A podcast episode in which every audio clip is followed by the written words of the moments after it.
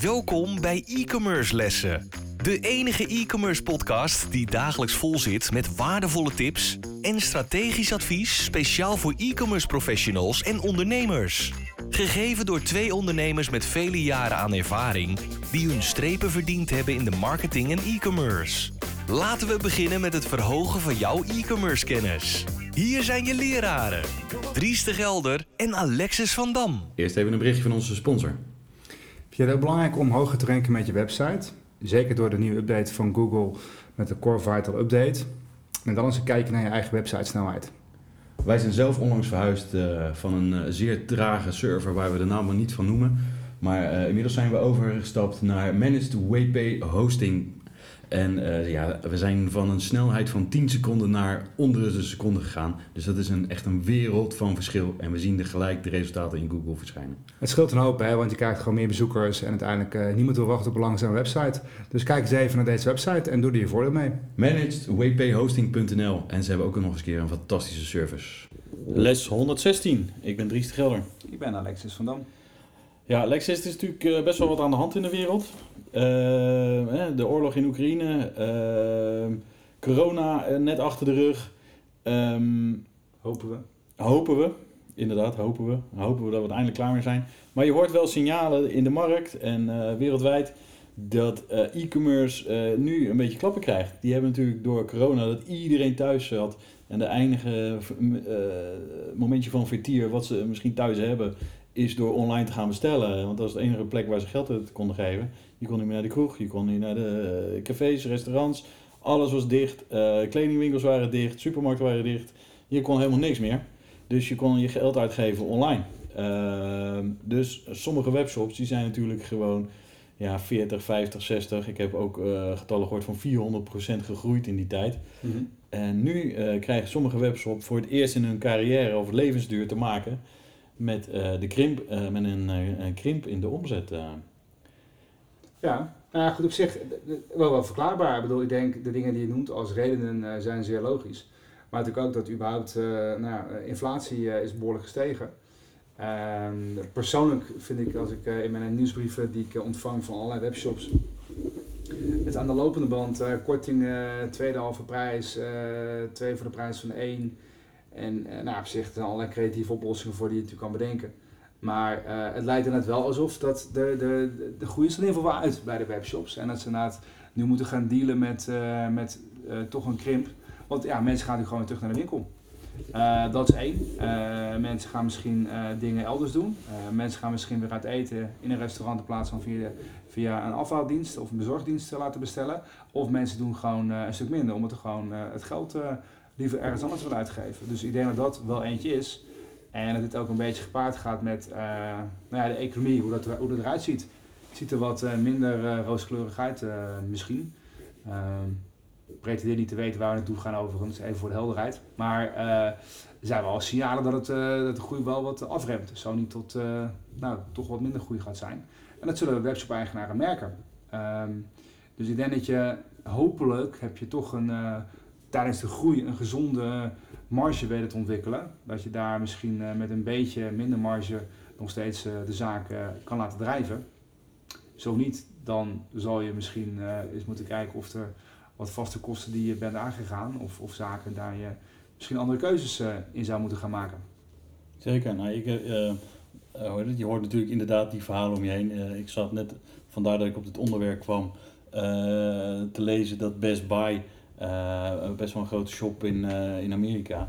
31% is ingekrimpt in het eerste kwartaal. Ja, dat zijn natuurlijk wel behoorlijke bedragen. Uh, en cijfers. Nou kan je natuurlijk ook vragen van, gaat het daar dan wel helemaal goed? want als je natuurlijk, maar ja, als je zulke enorme groei hebt doorgemaakt tijdens die coronajaren, in, in 2021 en, en 2020 zeg maar, is de groei natuurlijk bij sommige bedrijven zo extreem groot geweest. Uh, en je kan, uh, waar, de lessen die je ervan kan hebben, uh, wees ook niet ongerust, zeg maar. Weet je? Want je kan natuurlijk ah, allemaal beren op de weg zien dat je omzet krimpt. Maar je kan ook kijken, oké, ik heb natuurlijk die enorme pieken gehaald. misschien is nu even logisch dat we even pas op de plaats maken, een kleine daling hebben. Maar nu is het wel de tijd om al je processen even goed te gaan bekijken. Eh, waar je eh, tijd kan winnen, waar je geld kunt besparen. Eh, weet je, want als alles, als alles voor de wind gaat, dan kijk je, let je niet op besparingen. Dan let je niet of je personeel de kantjes eraf loopt. Dan let je er niet op of je e-mail marketingcampagne helemaal tot in de puntjes is verzorgd. Dan let je er niet op of je analytics goed staat. Dan let je niet op alle AdWords campagnes. Ja, nu is het moment om alles even heel goed te gaan bekijken. Van ja, waar kan ik besparen? Welke processen kan ik verbeteren? Waar kan ik uh, zorgen dat mijn AdWords weer meer rendement haalt? Hoe kan ik zorgen dat mijn analytics, dat ik meer informatie, mijn business intelligence, dat ik dat op orde heb? Uh, waar kan ik goed gaan sturen? Het is nu het moment om allemaal aan te pakken. Er is nu, in theorie is er nu uh, meer tijd voor, omdat je een beetje een terugval hebt. Dus je mensen hoeven, zijn minder actief. En ze moeten gaan kijken ja, waar ze de winst weer kunnen gaan pakken. Ja, en vaak is het ook zo, als natuurlijk um, het een beetje terugloopt qua, qua omzetten. Hè, het was ook wat, uh, nou, wat ik zelf ook heb gezien uh, toen uh, de corona uitbrak. Het eerste wat mensen mee stopten was marketing. Want ze dachten het gaat economisch minder goed. Dus dan gaan we minder marketing uitgaven doen. Dat is eigenlijk, vind ik persoonlijk, een hele kromme redenering. in de zin van dat juist als de economisch moeilijker is, moet je in ieder geval wat mij betreft niet gaan besparen op je marketing. Uh, je zou een aantal andere zaken misschien wel kunnen besparen, maar niet op marketing. Want je moet er zijn voor je klanten. De klanten willen je ook zien en om zich zien. Dat ze denken, oh ja, ik heb een keer bij jou gekocht, je bent er nog, het gaat allemaal. En uh, natuurlijk wil je ook continu je klanten willen bereiken. Want heel simpel, als jij stopt met marketing, iemand anders stopt niet, dan val jij van het, van het blad af of van tafel af en de ander blijft op tafel liggen als mogelijke optie. Dat is denk ik iets waar je echt heel erg bewust van moet zijn. Dat marketing is, is een nou ja, ik zou bijna zeggen, het is een continu, nou, het is een continu proces, maar niet wat je een keertje een beetje doet en dan eens even niet en dan weer wel, dan weer niet. Hè, uh, zeker de succesvollere uh, bedrijven doen dat continu. En natuurlijk kan je variëren van het kanaal waar je op zit, maar uh, je moet er zijn voor je klanten en je potentiële klanten. Want ook klanten, die moeten bevestigd worden in dat jij de juiste keuze bent. En ehm, nou, hopelijk weet je natuurlijk wel dat het, het behouden van klanten natuurlijk vele malen uh, lucratiever is en kostefficiënter is dan het continu werven van nieuwe klanten. Wat kost je meer tijd, meer geld, meer middelen en, en zo verder. Um, ik denk ook trouwens dat die enorme dip die uh, veel wat ik nu in de markt uh, wat een aantal e-commerce bedrijven ervaren, dat dat ongeveer drieledig is. het is natuurlijk één einde corona, tweede is de oorlog en drie is het, het hele mooie weer wat we hebben. En iedereen gaat, trekt erop uit. En uh, zodra de zon schijnt en de stranden en de terras lopen vol, zie je het internetgebruik ook uh, waanzinnig teruglopen. Uh, en dus uh, zal daar ook de conversie door verminderd worden. Dus ik zou niet co complete paniek uitslaan, maar zorg wel dat je erbij bent. Ja, nou, een interessant artikel wat je ook net wat je aan refereerde is inderdaad wel interessant bij dat bedrijf. Het is zowel eigenlijk online als ook, ook ehm, hun sales via de fysieke winkels ook wel terugloopt. Ja, het kan natuurlijk ook zijn, dat natuurlijk, dit is wel voor mij een bedrijf wat met name in electronics zit, als ik het goed heb. Um, ben niet helemaal zeker. Maar um, hè, er is natuurlijk ook wel, misschien dat mensen het afgelopen jaar, omdat niets anders kon, zoveel spullen gekocht hebben. En dat ze ook nu wel even gewoon uh, een beetje koopmoe zijn met bepaalde producten. Ik bedoel, hè, uh, een telefoon, een smartphone gaat toch in principe wel uh, een jaar of twee, drie, vier mee. Uh, afhankelijk van hoe je het gebruikt. En uh, ja, ze willen natuurlijk liever dat je elk jaar een nieuwe koopt met de nieuwe features. Maar goed, tenzij je zegt van uh, allemaal best, allemaal prima. Maar ik denk dat de meeste mensen die toch wel twee, drie jaar met zo'n telefoon doen tegenwoordig. Dus dat zal dan ook een beetje doorstaan in dat mensen dan om drie jaar pas een telefoon kopen in plaats van elk jaar een nieuwe. Hè, dus dat geldt nu, even als bijvoorbeeld een telefoon, maar dat geldt ook veel, veel producten en diensten. Um, en dat is iets waar je denk ik wel um, afhankelijk van het type dienstproduct wat je ook levert, of heeft daar wel mee te maken.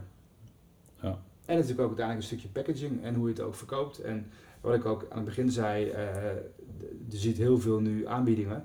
En op zich, kijk, aanbieding is fijn voor de consument. Dan denk je, nou ja, ik hou zelf dan ook van uh, een goede espresso. Dus uh, ik heb een aantal van die koffieabonnementjes en nieuwsbrief die binnenkrijgt. Nou ja, 2 kilo voor de prijs van 1 kilo. En die ene kilo is eigenlijk gewoon goedkoper dan normaal gesproken. Dus dan denk ik van ja, als je dan even doordenkt, dan hebben ze eigenlijk bijna 2 kilo bonen voor de prijs van misschien uh, eh, 0,75 kilo. En dan denk ik van, nou, ik vind het fijn, ik vind het prima. Maar als je natuurlijk even één stapje doordenkt, ja, hoe kan dat dan eigenlijk? Of die koffie is eigenlijk in de normale prijs wel zo enorm veel marge, eh, wat je nu dus allemaal kan weggeven. Of eh, er is iets anders aan de hand. Ja. Maar ja, Waarschijnlijk een combinatie van beide. Maar Maar ja, gaat wel onderzoeken waar het vandaan komt. Het is natuurlijk heel makkelijk om de markt, de economie en, en het weer de schuld te geven. Eh, waarschijnlijk heeft dat er nu ook wel een beetje voor grotendeels mee te maken. Maar dan nog steeds eh, moeten je processen op orde zijn en moet je weten eh, waar het fout gaat. Ga ervoor nou, eh, ga er dus ook onderzoek naar doen. En ja, mijn beste tip is bel gewoon een paar van je klanten op. Van joh, hoe zit het? Waarom komen die orders nu niet door? Terwijl eh, vorige week heb je nog een bestelling gedaan en, en die week daarvoor ook en daarvoor ook. En waarom deze week niet? Bel gewoon op, vraag hoe het zit en eh, de antwoorden komen. ja, nee, ik denk zeker goeie. Ehm, en dat is denk ik ook. ehm, Ja, geen idee Alexis. Eh, ik weet niet wat je wilde vertellen, maar dat je je verslikt kan gebeuren. Ja, gaan gebeuren. Nee, ik, ik denk wat dat betreft, eh, dat wil ik, dat wil ik inderdaad zeggen, dat ehm, zoek inderdaad niet bij het, eh, geen interesse de schuld. Hè? Dat is dat heel makkelijk, ja, het is dit, het is dat. Wat ook terecht zegt, het kan zomaar zo zijn. Eh, maar het zit er ook eigenlijk in van, kijk eerst eens ook even naar jezelf. Wat ben je zelf precies aan het doen? Hoe lopen bepaalde zaken? Hè, ehm, ben je zelf in controle of, of laat je je controleren door externe factoren? En dat is denk ik iets ehm, eh, ja, waar je gewoon even goed scherp op moet zijn en ook even goed naar bepaalde zaken moet kijken. Zit je zelf goed in de race? En hè, wat Ries ook terecht zegt, niet is zo belangrijk eh, om je klanten te vragen. Want de klanten uiteindelijk, je bestaande klanten, die, die hebben je geholpen, die hebben op bepaalde reden gekozen voor jou. En dat is ook waardevolle informatie. En minstens natuurlijk net zo belangrijk, de prospects die dreigt een klant bij jou te worden, maar net niet zijn geworden, ben je daar ook eens achteraan te gaan. Zeker. Eh, en dan moet je ook weer naar je data kijken, waar haken ze af? En zit je proces goed in elkaar? Zeker. Ik, eh, succes. Ik hoop niet dat jullie eh, veel te maken hebben met krimping, maar eh, mocht het zijn, mooie tijd om je bedrijf eens onder de loep te nemen. Helemaal eens. Zet hem op. Tot de volgende. Wij waarderen het enorm dat je weer naar een e-commerce les hebt geluisterd. Ga naar e-commercelessen.com voor nog meer interessante content over deze les en schrijf je in voor onze nieuwsbrief voor nog meer succes.